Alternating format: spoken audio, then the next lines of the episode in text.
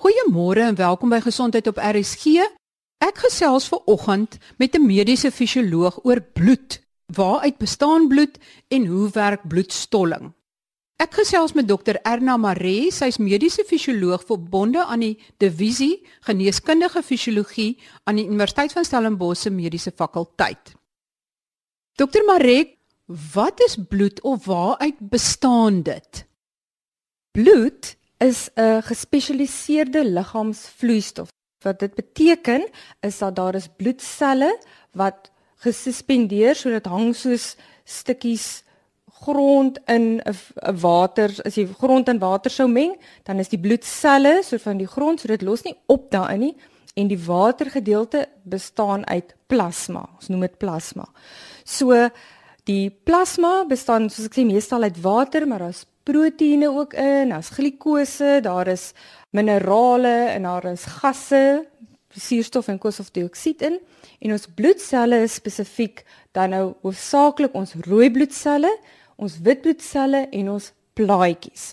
So die funksie van bloed is dan nou hoofsaaklik om suurstof te dra en daarvoor het ons die rooi bloedselle nodig en die rooi bloedselle het die um, molekuul hemoglobien in wat dan ons suurstof sal dra. Die bloed dra ook ons glikose en aminosure en dit verwyder ook afvalstowwe. 'n Ander belangrike ding oor bloed is dat die wit bloedselle in die bloed help met ons immunologie, so dit beskerm ons teen bakterieë en die nare goed van buite of die vreemde materiale. En dan 'n baie belangrike funksie ook van bloed is bloedstolling en daar het ons ons plaatjies nodig sodat ons 'n wond het dat ons nou nie uitbloei as ons nou 'n wond het nie. Dan 'n ander funksie van bloed is is 'n boodskapper. So baie van die hormone in die boodskappe wat deur die bloed gedra word is hormone wat dan um boodskappe na die verskillende weefsels toestuur. En nog 'n belangrike funksie van bloed is dat dit um handhaaf ons liggaamstemperatuur sodat ons liggaam lekker warm bly. En die ander ding is ook dit handhaaf die pH in die bloed. pH beteken die suurbasis sodat daar balans is, so ongeveer 'n pH van 7.4. So dit is normale bloed. Daar's baie mense wat sê as hulle sekere dieete volg dat hulle die pH kan verander. Nou kan mense die pH van jou bloed verander En sal jy nie doodgaan as jou pH nie reg is nie? Ja, jy sal. Dit is die hele idee wat bloed dan nou doen is om jou liggaam se pH dan te normaliseer. So jou pH moet teen 7.4 bly. So die groot ding is die bloed help dan nou om jou liggaam se pH. So na ete sal jy byvoorbeeld 'n bietjie verhoging of verlaging in jou pH van jou bloed hê, maar net so gou as wat dit gebeur, raak die bloed weer ontslaaf van daardie faktore wat die die suur laat toeneem. Suur kom gewoonlik van aminosure, die proteïene wat ons eet en soos wat ons in en uitasem raak ons ook ontslaaf van die koolstofdioksied en van die sure uit ons bloed. So dit is 'n hele ander onderwerp wat 'n mens nou kan aanraak van hoe die bloed dit eintlik reguleer. So ons bloed se pH bly eintlik konstant. En as dit te alkalies, te basies raak of te suur, te asidoties raak, kan dit baie gevaarlik wees, ja. Nou waar kom die bloed vandaan? Die bloedselle spesifiek word gemaak in ons beenmerg. As ons 'n klein kind is vir onder 5 jaar, dan gebruik die liggaam al die beenmerg om bloedselle te maak. Maar soos ons ouer word, word sekere areas soos die skelet of die skedel, die rug, die ribbes, die heupbene en die boonste gedeeltes van die femur, die die rooi gedeeltes van die beenmerg word dan gebruik om bloedselle te maak. En die rede hoekom dit rooi is, is as ons kyk na die samestelling van rooi bloedselle, dan is daar hemoglobien in en hemoglobien bestaan uit heem. En daai heemgroep is eintlik sy Griekse naam heem kom van die Griekse naam purple. So dit is waar die die rooi kleur vandaan kom. En dan in hierdie heem is daar yster so ons het yster nodig om rooi bloedselle te maak. Die ander belangrike stowwe wat nodig of boustene vir rooi bloedselle is Vitamiin B12 en foliensuur. So in jou beenmerg het jou rooi bloedselle nog 'n kern en daai kern of die, die DNA help met die selverdeling, help om die die selle te vermeerder. So jy het daai boustene Vitamiin B12 en foliensuur nodig om jou DNA te maak om jou selle te vermeerder. Die oomblik wanneer jou rooi bloedsel dan volwasse is, word hy dan in die sirkulasie kom hy dan uit die beenmerg uit in jou bloedstroom in. En dan verloor hy eintlik sy sy kern. Dan kan hy nie meer verdeel nie. En rooi bloedselle leef so 120 dae. Hy verdeel nie so eintlik kan rooi bloedselle nooit kankeragtig word nie. So hulle beweeg net deur die hele sirkulasie met hulle hemoglobien en hulle dra natuurlik nou die die suurstof en die koolstof, dis al die funksies wat ek nou genoem het rond. Sonder 'n kern gaan hulle dan nou deur hulle hele lewe na 120 dae word hulle afgebreek in die milt. So die milt help dan met die afbreek van die rooi bloedselle. En omdat ek nou gesê die rooi bloedselle bestaan uit yster en hemoglobien, die die globien is proteïene, proteïene word weer gebruik as dit afgebreek word. Die yster word weer gebruik om nuwe rooi bloedselle te vorm, maar die heemgedeelte word dan afgebreek na bilirubin. En dit is dit wat die lewer dan nou uiteindelik uitskei. Bilirubin word deur die gal uitgeskei en word ook in die urine uitgeskei. So dit is dan die die lot van die rooi bloedsel as daar iets verkeerd loop met daai pad en die bilirubin raak te hoog, dan is dit wat mense tipies dat hulle lyk of hulle geelsig het. Met ander woorde, dis eintlik die lewer wat sukkel en hulle lyk geeler. Ja, ja, dit is presies wat daar gebeur. Ons het nou gepraat oor rooi bloedselle. Waar kom wit bloedselle vandaan? In jou beenmerg, dis die oorsprong van alle bloedselle. So in die beenmerg is daar nou hierdie stamselle En omdat dit bloedstamselle is, so dit stamselle beteken selle wat in enige bloedsel kan verander. So ons noem dit nou om fancy te wees hematopoietiese stamselle. Hema beteken bloed en poiese beteken die maak van bloed. Wat bepaal watter bloedselle waarin bloed gespesialiseer word is spesifiek 'n stimulus en daai stimulus of die die skakelaar is sitokine om rooi bloedselle te maak, het ons eritropoietin nodig, EPO soos mense dit ken. So as die liggaam rooi bloedselle benodig, dan word hierdie sitokin um, eritropoietin gemaak in die nier en dan word dit dan nou vervoer na die beenmerg en dan in die beenmerg stimuleer dit 'n hoër produksie van rooi bloedselle. As jy meer wit bloedselle benodig, sal jy faktore soos koloniestimulerende faktor benodig of interleukens of stamselfaktor. So dit is die faktore wat benodig word om die beenmerg te stimuleer sodat daar meer wit bloedselle gemaak word. Hierdie interleuken word deur die ander wit bloedselle afgeskei. Die wande van die bloedvate skei ook hierdie faktore af sodat dit die beenmerg kan stimuleer om meer wit bloedselle te maak. Kan jy net vinnig noem watter verskillende soorte wit bloedselle daar is? Okay. Goed, daar is dan neutrofiele, eosinofiele, basofiele, limfosiete en monosiete.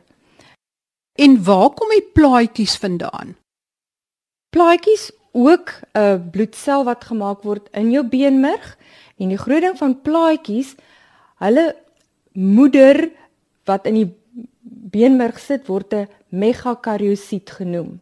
So die moedersel verdeel almekaar, maar net die rande van hierdie sel breek af en beland dan in die bloedstroom. So 'n plaatjie is is net so 'n stukkie van hierdie megakariosiet wat sit in die beenmerg. So as jy uiteindelik na 'n plaatjie kyk, is daar nie 'n kern in nie en daar is net pakkies chemikalieë in wat nou gaan help met bloedstolling, want dit is hulle hooffunksie. En die die stimulus of wat sal veroorsaak dat plaatjies vrygestel word uit jou beenmerg is dan trombopoetin. So trombopoetin sal dan vir die beenmerg sê maak meer plaatjies. Dan kom ons by bloedstolling en bloedverlies.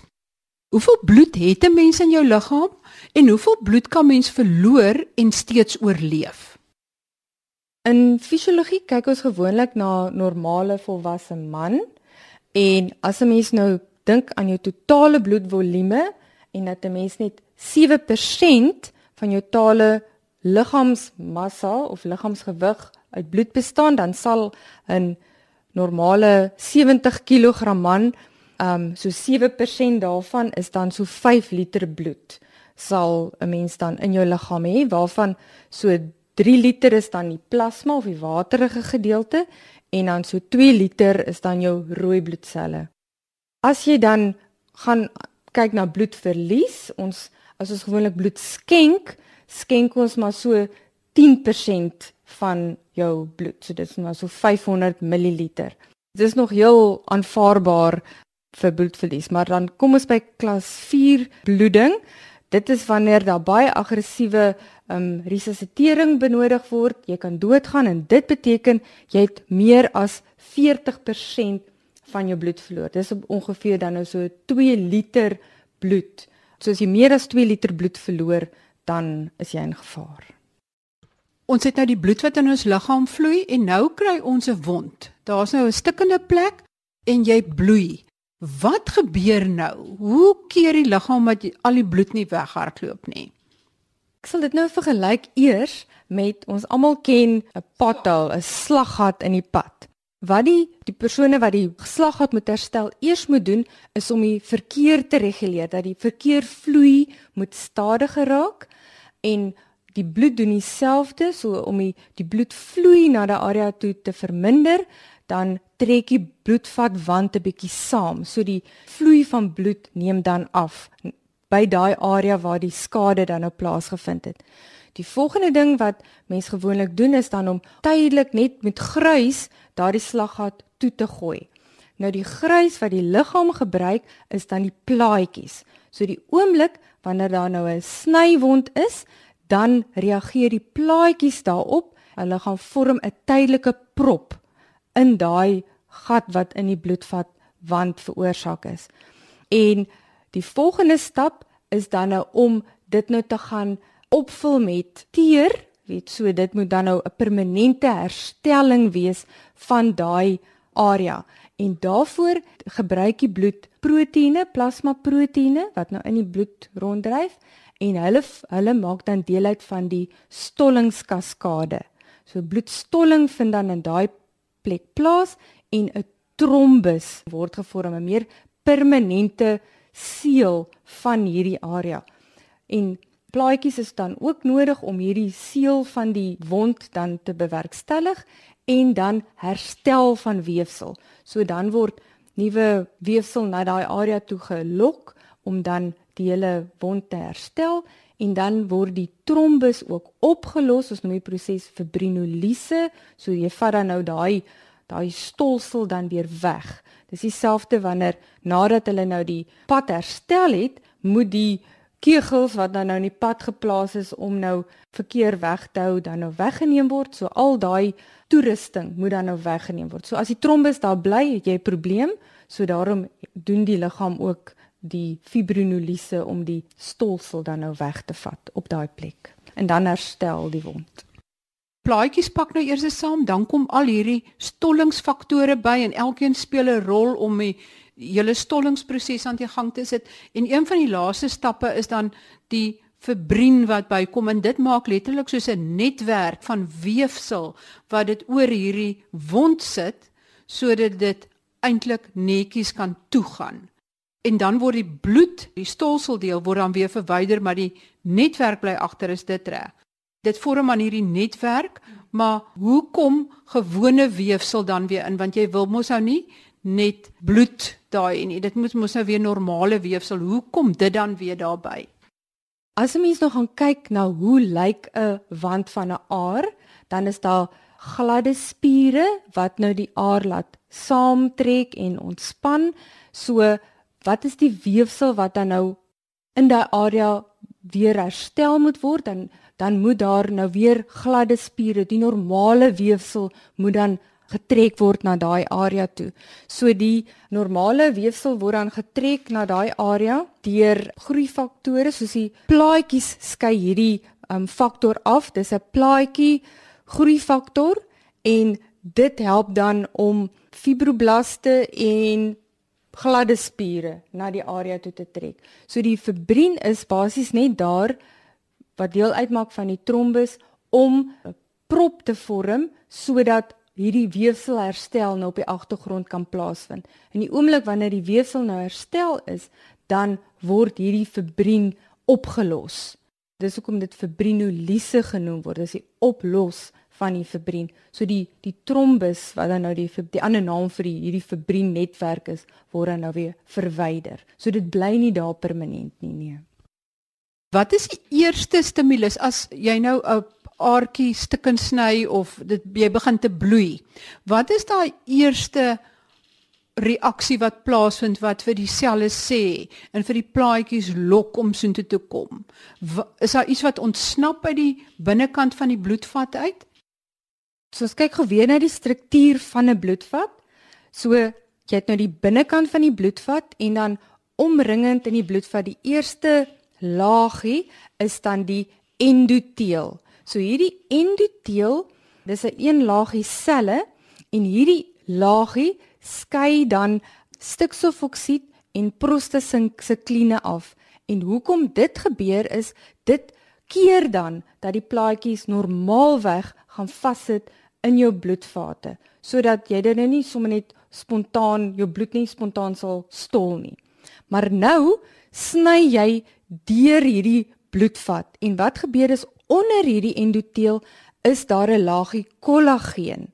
So hierdie kollageen is dan nou die stimulus wat dan as die plaatjies in aanraking kom met hierdie kollageen, so die die endoteel is nou stikkend en onderliggend aan die endoteel is die kollageen en die plaatjies reageer daarop. So hierdie plaatjie gaan heg dan aan die kollageen vas en die brug wat hom vasheg word dan van Willebrand faktor genoem. So mense wat nie die van Willebrand faktor het nie, kan dan nie daai brug vorm tussen die kollageen en die plaatjie nie en dan bly hulle bloei want dit dit is dan nou die eerste stap wat jy nodig het vir die tydelike plaatjie prop om te vorm. Die ander proses wat ek van gepraat het wat dan nou volg hierop of eintlik half soos 'n gesamentlik met die plaatjie prop gebeur is hierdie plasma proteïene in die bloed wat dan deelneem aan die stollingskaskade of die koagulasie kaskade en die faktor in die bloed wat dan nou ook deur hierdie kollageen geaktiveer word noem ons faktor 12. So faktor 12 dryf haar rond Hy is heeltemal gelukkig op sy eie, maar die oomblik as hy vir kollageen sien, dan aktief word hy geaktiveer. Wat beteken aktiveer? Dit beteken hy word dan reggemaak om dan deel te neem aan hierdie bloedstollings en ons noem dit 'n kaskade want dit is soos 'n waterval. Die een ensiem skakel dan die volgende ene aan. So hierdie plasmaproteïene tree dan op soos 'n ensiem wat die volgende ensieme is soos hulle neem deel aan 'n proses wat aktivering dan nou veroorsaak. So in hierdie hele proses wat ons dan nou noem die intrinsieke pad om dit nou fancy te maak, sal dan uiteindelik uitloop op die aktivering van 'n proteïen trombien en hierdie trombien neem dan deel aan die vorming van die trombus. So dit is dan nou hoe die plaatjie en die plasmaproteïene deelneem aan hierdie hele proses. Wat ons nie moet vergeet nie, is dat vir bloedstolling het ons ook Vitamiin K nodig. So Vitamiin K help ook met hierdie maak van hierdie plasmaproteïene plus kalsium is ook nodig want hulle help met die aktiveringsfunksie van al hierdie plasmaproteïene. Vitamiin K is interessant in ons darmkanaal in die dikdarm is daar bakterieë. So daai bakterieë is goeie bakterieë, ons noem dit ook ons interflora en hulle maak Vitamiin K. En dan word daai Vitamiin K geabsorbeer en dan word dit gebruik in die proses van maak van plasmaproteïene wat deelneem aan jou stollingskaskade. So as jy nou tekort aan jou Vitamiin K het, dan sal jy sukkel om jou bloed te laat stol.